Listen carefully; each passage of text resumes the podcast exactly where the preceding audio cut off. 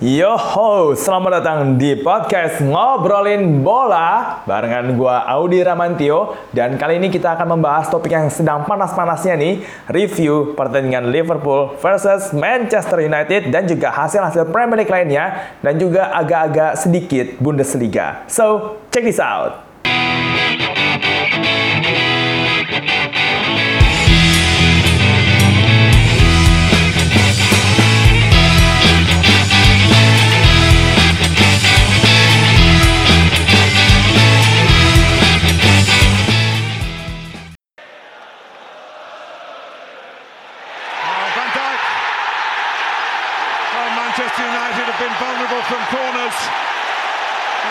Virgil van Dijk makes them pay again. And the league leaders take the lead with a thumping header from the Dutchman. Mo Salah. Can he finish things off here? He can. It is 2 0. Salah gets a goal against United to wrap up yet another Liverpool win. But goodness me, they've had to work so hard for it. These scenes tell you how hard they've had to work for it in these last 15 minutes or so. Thought he couldn't score against Manchester United. Mo Salah, you little dancer. That's not just the three points. I think everyone in this country now will think that's the Premier League after the result of Man City yesterday. And you can see the celebrations. Allison's at the goal. They're all at the goal. And it starts with that man. An assist for the goalkeeper. And it's Daniel James, I think, who tries to get back. And I'd be delighted to break his record against Manchester United. But more importantly, to give Liverpool the three points. Itu dia Liverpool 2-0 melawan Manchester United di Anfield. Kembali menunjukkan keperkasaannya di hadapan rival terbesarnya di Premier League, terutama di Anfield karena MU ini sudah lama sekali tidak pernah menang di Anfield ya. Eh, terakhir kali itu kapan ya? Kayaknya waktu pas Juan Mata Salto itu deh yang dia menang 2-1 bukan sih yang Gerrard di kartu merah. Ih, gue ingat pertandingannya loh. Anyway, itu di masa lalu. Yang penting kita lihat ke masa sekarang saja. Babak pertama, Liverpool menguasai pertandingan dan terlihat banget nih MU benar-benar nggak dikasih eh, kendor sama Liverpool. Dan mereka beruntung karena dua gol Liverpool dianulir offside sama foul dan ketahuannya sama VAR.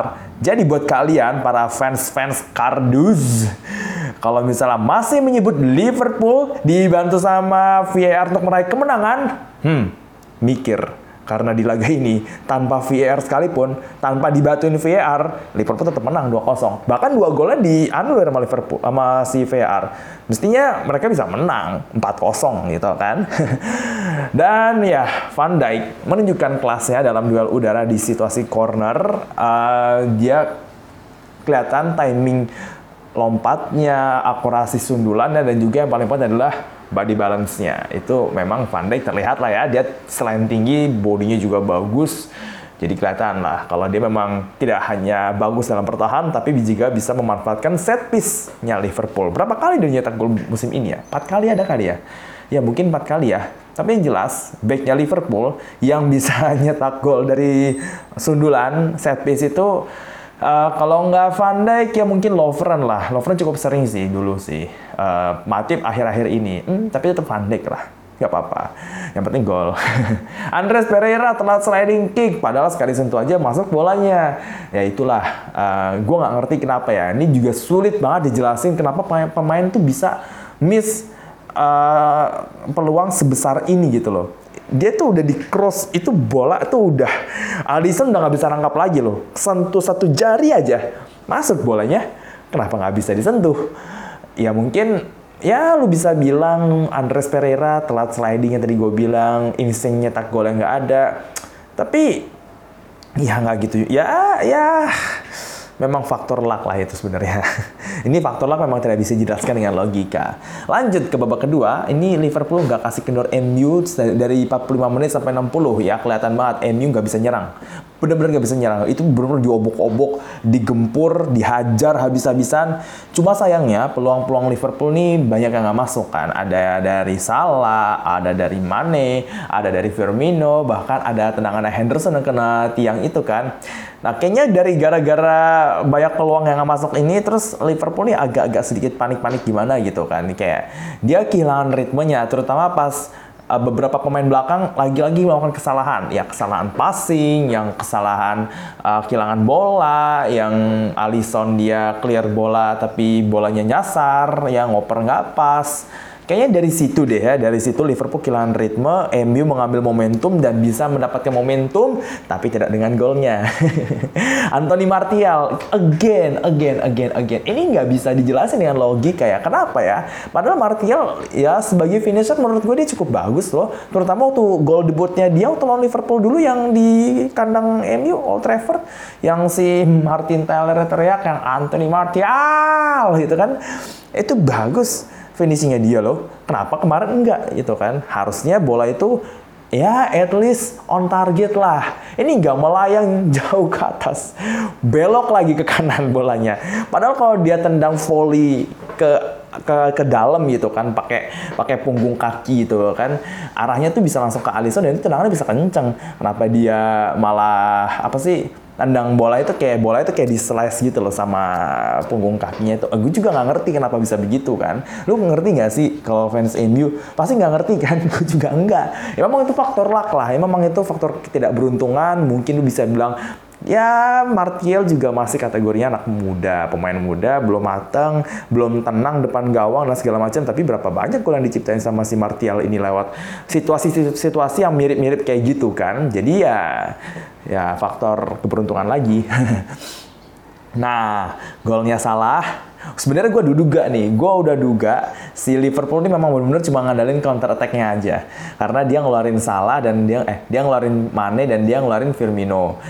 Uh, dan gantinya sama Origi kan. Origi juga salah satu pelari cepat dan ya uh, udah keba gue sebenarnya udah kebaca ini kapan Liverpool counter attack lagi ya. Gue gue inget-inget waktu golnya salah ke gawang Arsenal yang dia menang 5-0 itu musim pertamanya si Salah di Liverpool 2017-2018 itu juga lewat counter ya salah lari dari tengah sampai depan gawang Arsenal terus akhirnya dia nyetak gol kan mirip-mirip kayak gitu kan.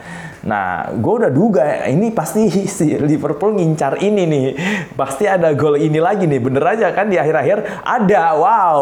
Dan Alisson hmm, asisnya oke okay lah. Dia dia cukup pintar ya karena dia menjauhkan bolanya itu dari si jangkauannya Daniel James. Jadi si Salah pun juga bisa bisa akselerasi dulu dari sedikit sisi kiri lalu ke tengah dan uh, ya uh, kiper sekaliber De sekalipun ya kalau udah situasinya kayak begitu hmm, tetap aja pasti tunduk ya. Dan tadinya sebenarnya De Gea tuh mau masuk ke kotak penalti Liverpool pas lagi corner, tapi nggak dikasih sama si Ole ya. Ya bener aja, dia maju nggak maju tetap kejadian kan. Apalagi kalau dia maju, pasti kejadiannya lebih awful lagi karena salah bakal nendang dari tengah gitu.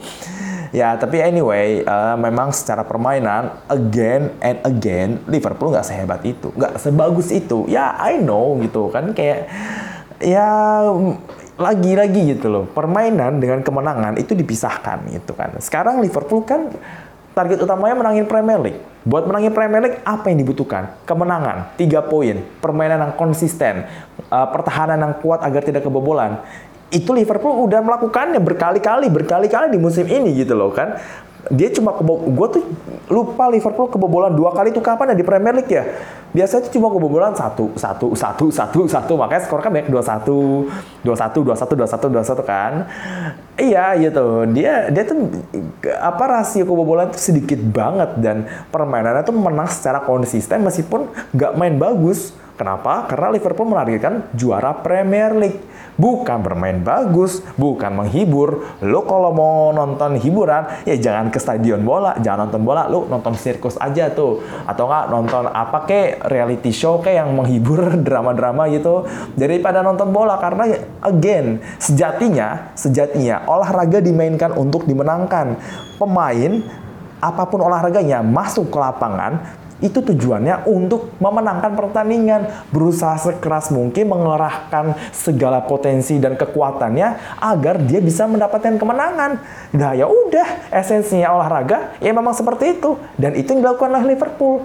Begitu. Jadi dia tidak berpikir untuk bermain fantastis dan mencetak rekor itu kan yang dibilangin sama Van Dijk waktu dia post match interview sama si Jamie Carragher kalau lo nonton di Sky Sports atau yang dibilangin sama Jurgen Klopp dia bahkan tidak tertarik dengan rekor ya rekornya Alisson yang 27 kali kebobolan 28 kali di clean sheet selama bermain di Premier League. Lah ya kan? Klopp aja nggak tertarik. Alisson mungkin nggak tahu kalau dia punya rekor ini gitu kan? Makanya uh, itu yang dibutuhin sama Liverpool untuk uh, menjadi juara.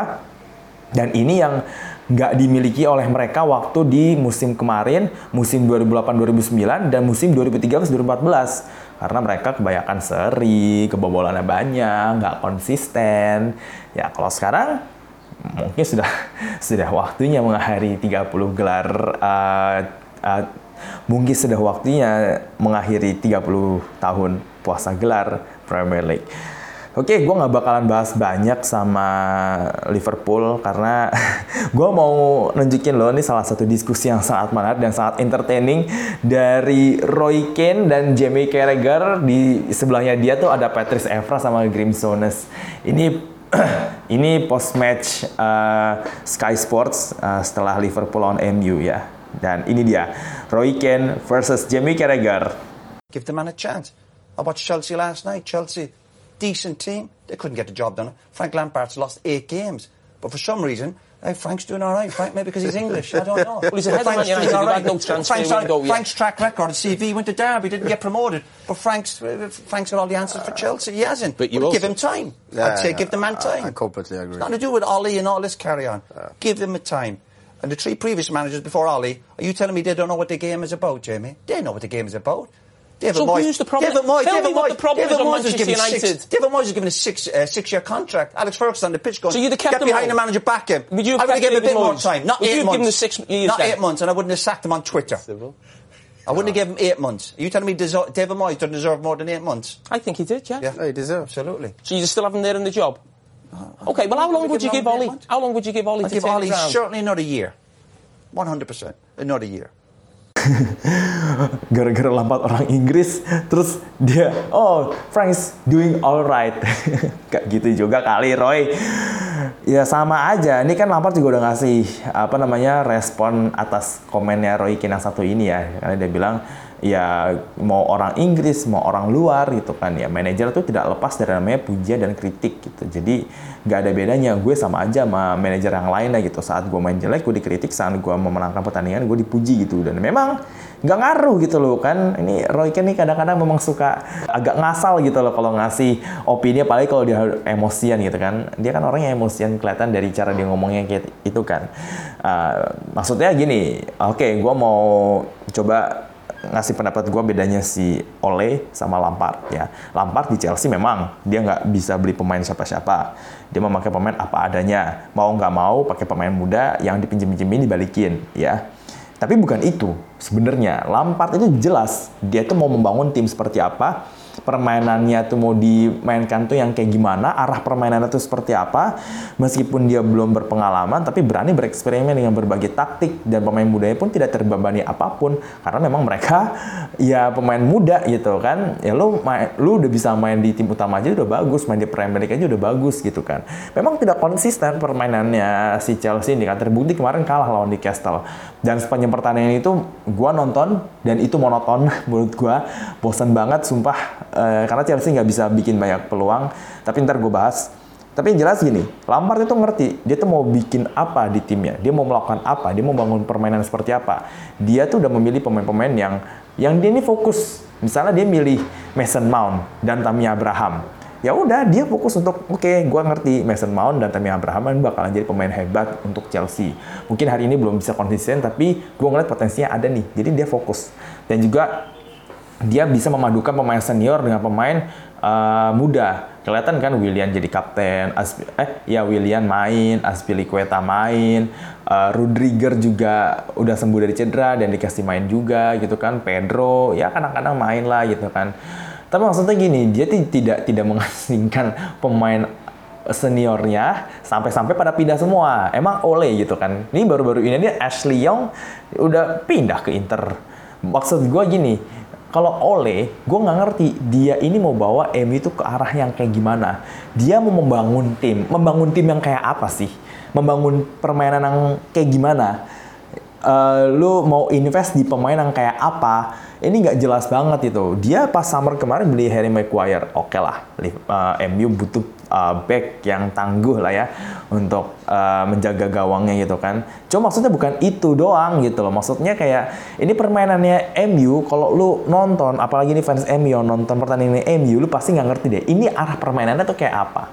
Ini monoton banget. Bukan masalah monoton ya, tapi maksudnya kayak ini tuh permainan kayak apa sih yang mau dimainkan sama si Ole gitu? Strateginya tuh kayak apa gitu kan? Lu ngandalin counter attack lu parkir bis uh, lu mengandalkan kecepatannya si Rashford dan Martial dan juga Daniel James memanfaatkan uh, sayap kanan kiri. Ya kayak dulu dia pas zaman Sir Alex kan dia mau ngandalin pemain sayap gitu. Kayak dulu ada Ronaldo dulu ada Giggs dulu ada Beckham. Ya kan? Maksud gue kayak uh, gimana ya mungkin permainan kayak gitu cocok untuk tim yang kelasnya tuh kayak Wolverhampton atau misalnya kayak Leicester City tapi nggak buat MU gitu loh karena ini nggak bisa konsisten. Dan dia wacananya musim ini lawan 6 besar oke. Lawan tim di bawahnya jelek. Nah sekarang lawan 6 besar udah kalah dia. Lawan lawan City kemarin kalah di Carabao Cup lawan Liverpool kalah. Kemarin dan ya gimana dia lawan tim yang di bawahnya juga permainannya kayak begitu doang. Dia nggak bisa kalau misalnya si MU ini yang disuruh nguasain pertandingan. Dia tuh mau tim lawan yang nguasain pertandingan terus dia cuma ambil counter attack-nya aja gitu kan. Atau kayak dia bertahan terus ya mengandalkan kecepatan pemain sayapnya kan. Tapi nggak bisa kayak gitu dong. Ini arah permainannya tuh nggak jelas. Dia membangun tim seperti apa juga nggak jelas. Jadi uh, dengan apa ya dengan kapasitasnya si oleh yang kayak begini untuk dibandingkan dengan Lampard beda nggak bisa. Gitu kan nggak bisa. Sama-sama apa mantan pemain sama-sama dianggap sebagai legend tapi beda. Beda beda beda beda. Dan Ole ini nggak punya semacam hal yang sifatnya kayak karismatik. Sedangkan Lampard tuh punya. Dia Lampard tuh punya karismatik dan leadership kelihatan dari waktu dia main. Dan sekarang pas jadi pelatih terbukti bisa. Dia apa namanya menyatukan pemain senior dan pemain junior. Sedangkan di MU pemain senior sama pemain mudanya tuh kayak punya kelompoknya sendiri-sendiri gitu nggak sih? Ya kan? Jadi kayak si pemain apa seniornya jarang dimainin, pemain mudanya lebih diprioritasin kan. Itu kan di kalau kayak gitu kan tuh kayak ada gesekan nah mungkin nggak bisa dilihat sama fans gitu. Jadi kayak pemain seniornya ya mereka juga butuh main juga, mereka juga pengen main secara reguler kan. Pemain bola mana yang nggak mau main secara reguler kan? Dan tiba-tiba mereka digantiin sama pemain-pemain muda dari akademi kayak Greenwood atau Chong atau uh, Brandon Williams. Maksud gua kayak ini tuh apa ya chemistry di internal timnya tuh nggak ada gitu kan. Dan juga lu kalau nonton interviewnya Ole itu kan dia tuh kalah menang ya menang menang tuh pasti ceria. Tapi kalau kalah tuh kayak nada itu datar gitu kayak biasa aja. Kan pernah dikritik sama si Van Persie ya dia senyum-senyum. Oke lah kalau Ole orangnya seperti itu. Tapi lu juga harus tunjukin ke media, ke publik bahwa lu tuh geram sama tim lu, lu tuh sebel, lu tuh pengen tim lu tuh yang kayak gimana sih gitu kan. Jadi lu lu tuh sebagai pelatih lu tunjukin lah gitu loh bahwa lu punya desire untuk menang dan untuk melakukan yang lebih baik lagi ke depannya. Lu tegas sama pemainnya. Jadi kalau misalnya dia ngomongnya enteng-enteng kayak gitu aja, pemainnya juga nganggapnya kayak, oh ya udah pelatih gue juga biasa aja kok. Kalau kita kalah ngomong di media juga santai aja. Ya udah kita juga santai aja. Jadi si Ole ini nggak ada leadershipnya menurut gue sih ya kayak ketegasan dia sebagai pelatih ini agak dipertanyakan. Dan uh, ya harusnya sebagai mantan anak asuhnya Sir Alex lah ya MU ini kan dibangun oleh uh, dua pelatih hebat menurut gue Sir Matt Busby, Sir Alex sama legendnya Sir Bobby, Sir Bobby Charlton. Tapi selama 26 tahun ini kan MU lebih identik dengan Sir Alex kan. Dan selama ditinggal sama Sir Alex dalam tujuh tahun terakhir ini semenjak 2013 MU tuh kayak anak kehilangan induk gitu kayak ini ini tim mau nggak tahu mau dibawa ke mana. Dulu waktu David Moyes uh, ngelatih uh, MU wacananya adalah oh ini kan timnya Sir Alex gitu kan. David Moyes nggak punya timnya sendiri. Nah sekarang Louis van Gaal Mourinho punya tim sendiri dikritik lagi. Jadi itulah kenapa di di di, di post match ini tuh kan dibahas sebenarnya sebelum sebelumnya dia ngebahas soal rekrutmennya MU kan. Coba deh, MU selama tujuh tahun terakhir ini beli pemain itu siapa aja sih? Fellaini, Mata, Di Maria, Sanchez, Lukaku, Pogba, Zlatan. Ini pemain bintang loh. Ini pemain dengan nama besar. Ini pemain-pemain bertalenta. Ini pemain hebat semuanya. Gimana ceritanya lu invest uang banyak buat beli pemain-pemain seperti ini, tapi tim lu tuh segitu-segitu aja, nggak ke mana-mana.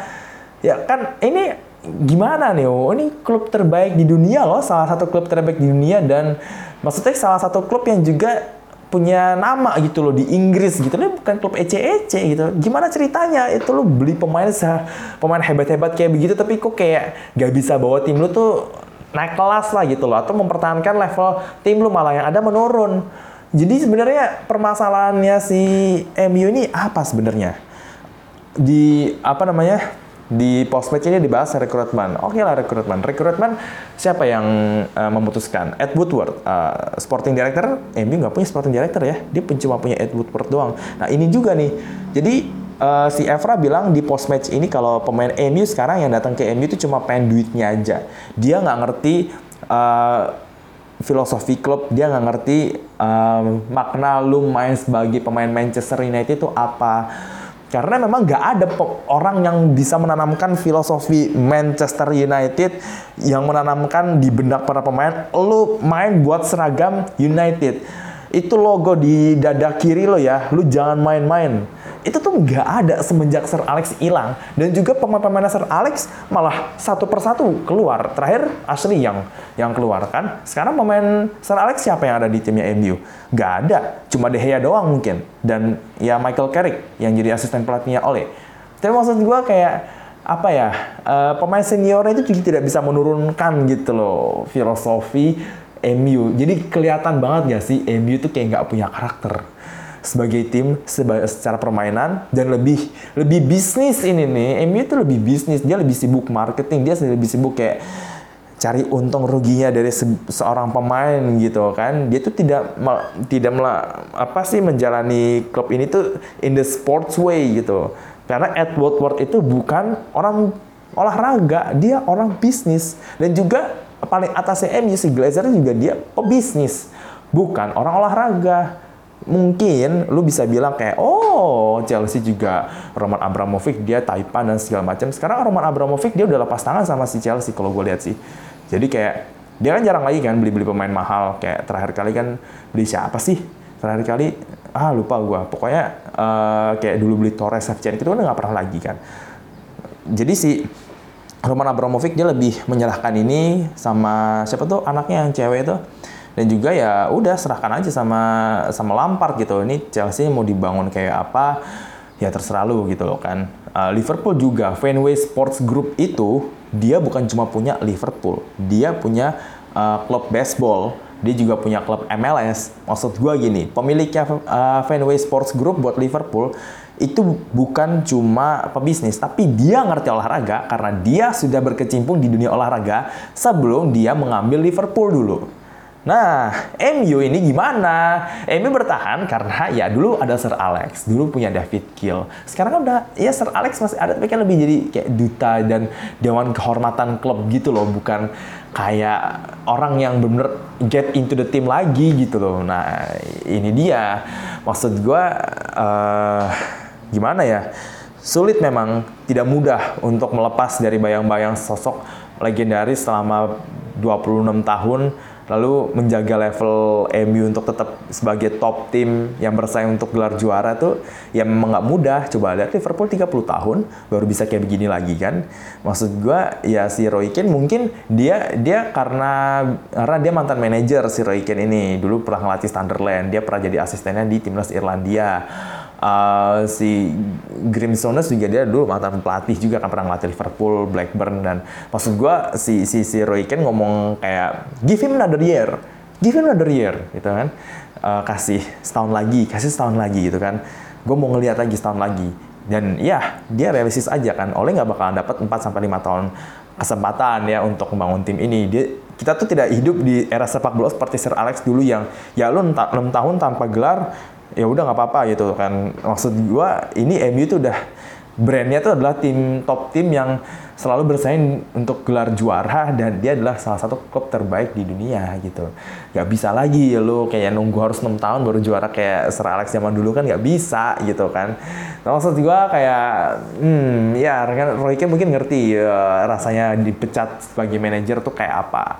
Dia bilang "Eh, emang gua mau ngeliat David Moyes 8 bulan doang di MU padahal Sir Alex bilang back him support dia gitu Ya, tapi gimana? Lu kalau misalnya nge-hire seorang manajer tapi dia nggak jelas mau dibawa ke mana klubnya mau mau mau dibangun permainan itu kayak apa. Lu tidak membangun kayak semacam dinasti per, dinasti tim gitu loh untuk jangka pendeknya mau dibawa ke mana jangka tengah jangka panjang.